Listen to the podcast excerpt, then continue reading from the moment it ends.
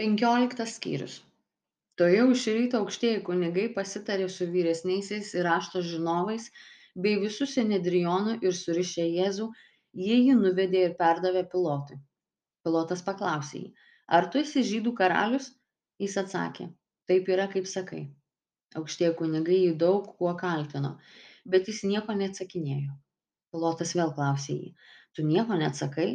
Žiūrėk kiek daug kaltinimų jie tau pateikė tačiau jėzus nieko nebeatsakinėjo ir pilotas labai stebėjosi.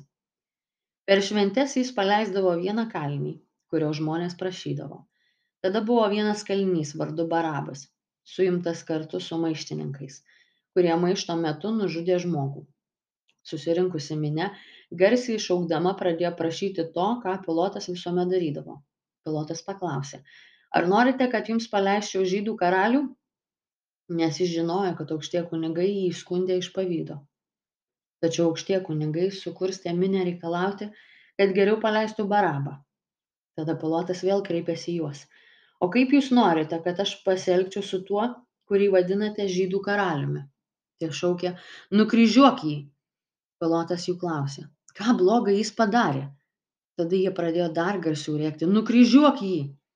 Norėdamas įtikti miniai, pilotas paleido barabą o jėzų nuplakdino ir atidavė nukryžiuoti.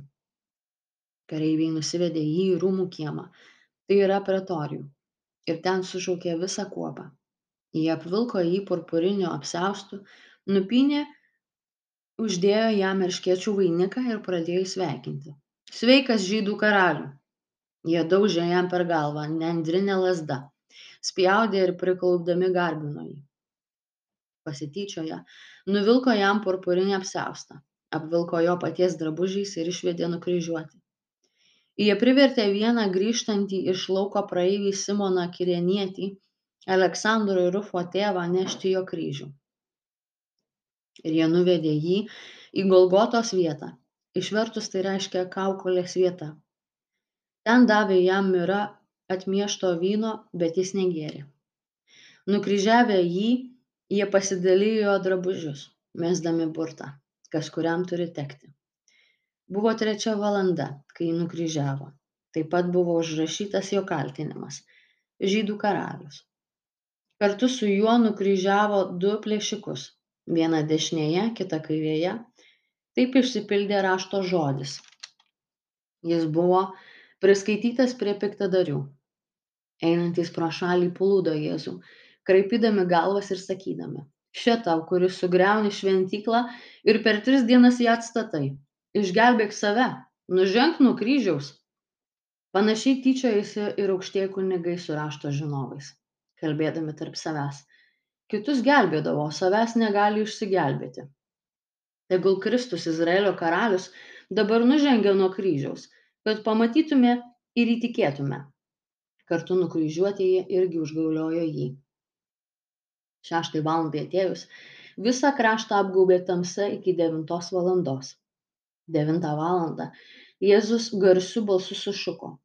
Eloji eloji lema sabachtani tai reiškia mano dieve mano dieve kodėl mane palikai?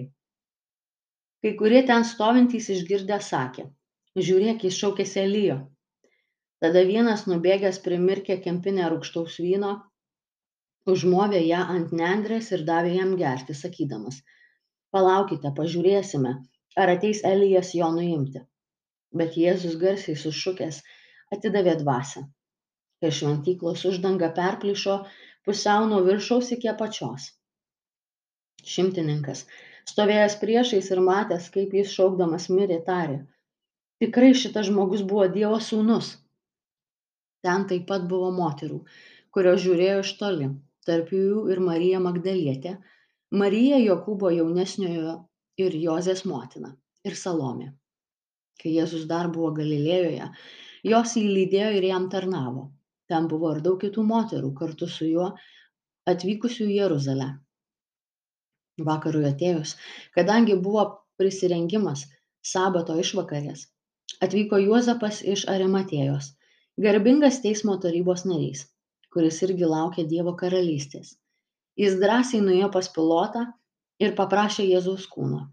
Pilotas nustebo, argi jau būtų miręs.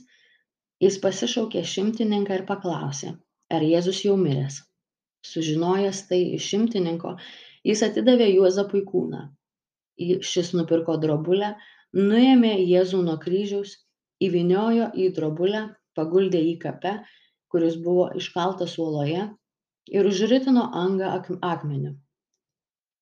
Marija magdalena ir marija jozės motina matė kur jis buvo palaidotas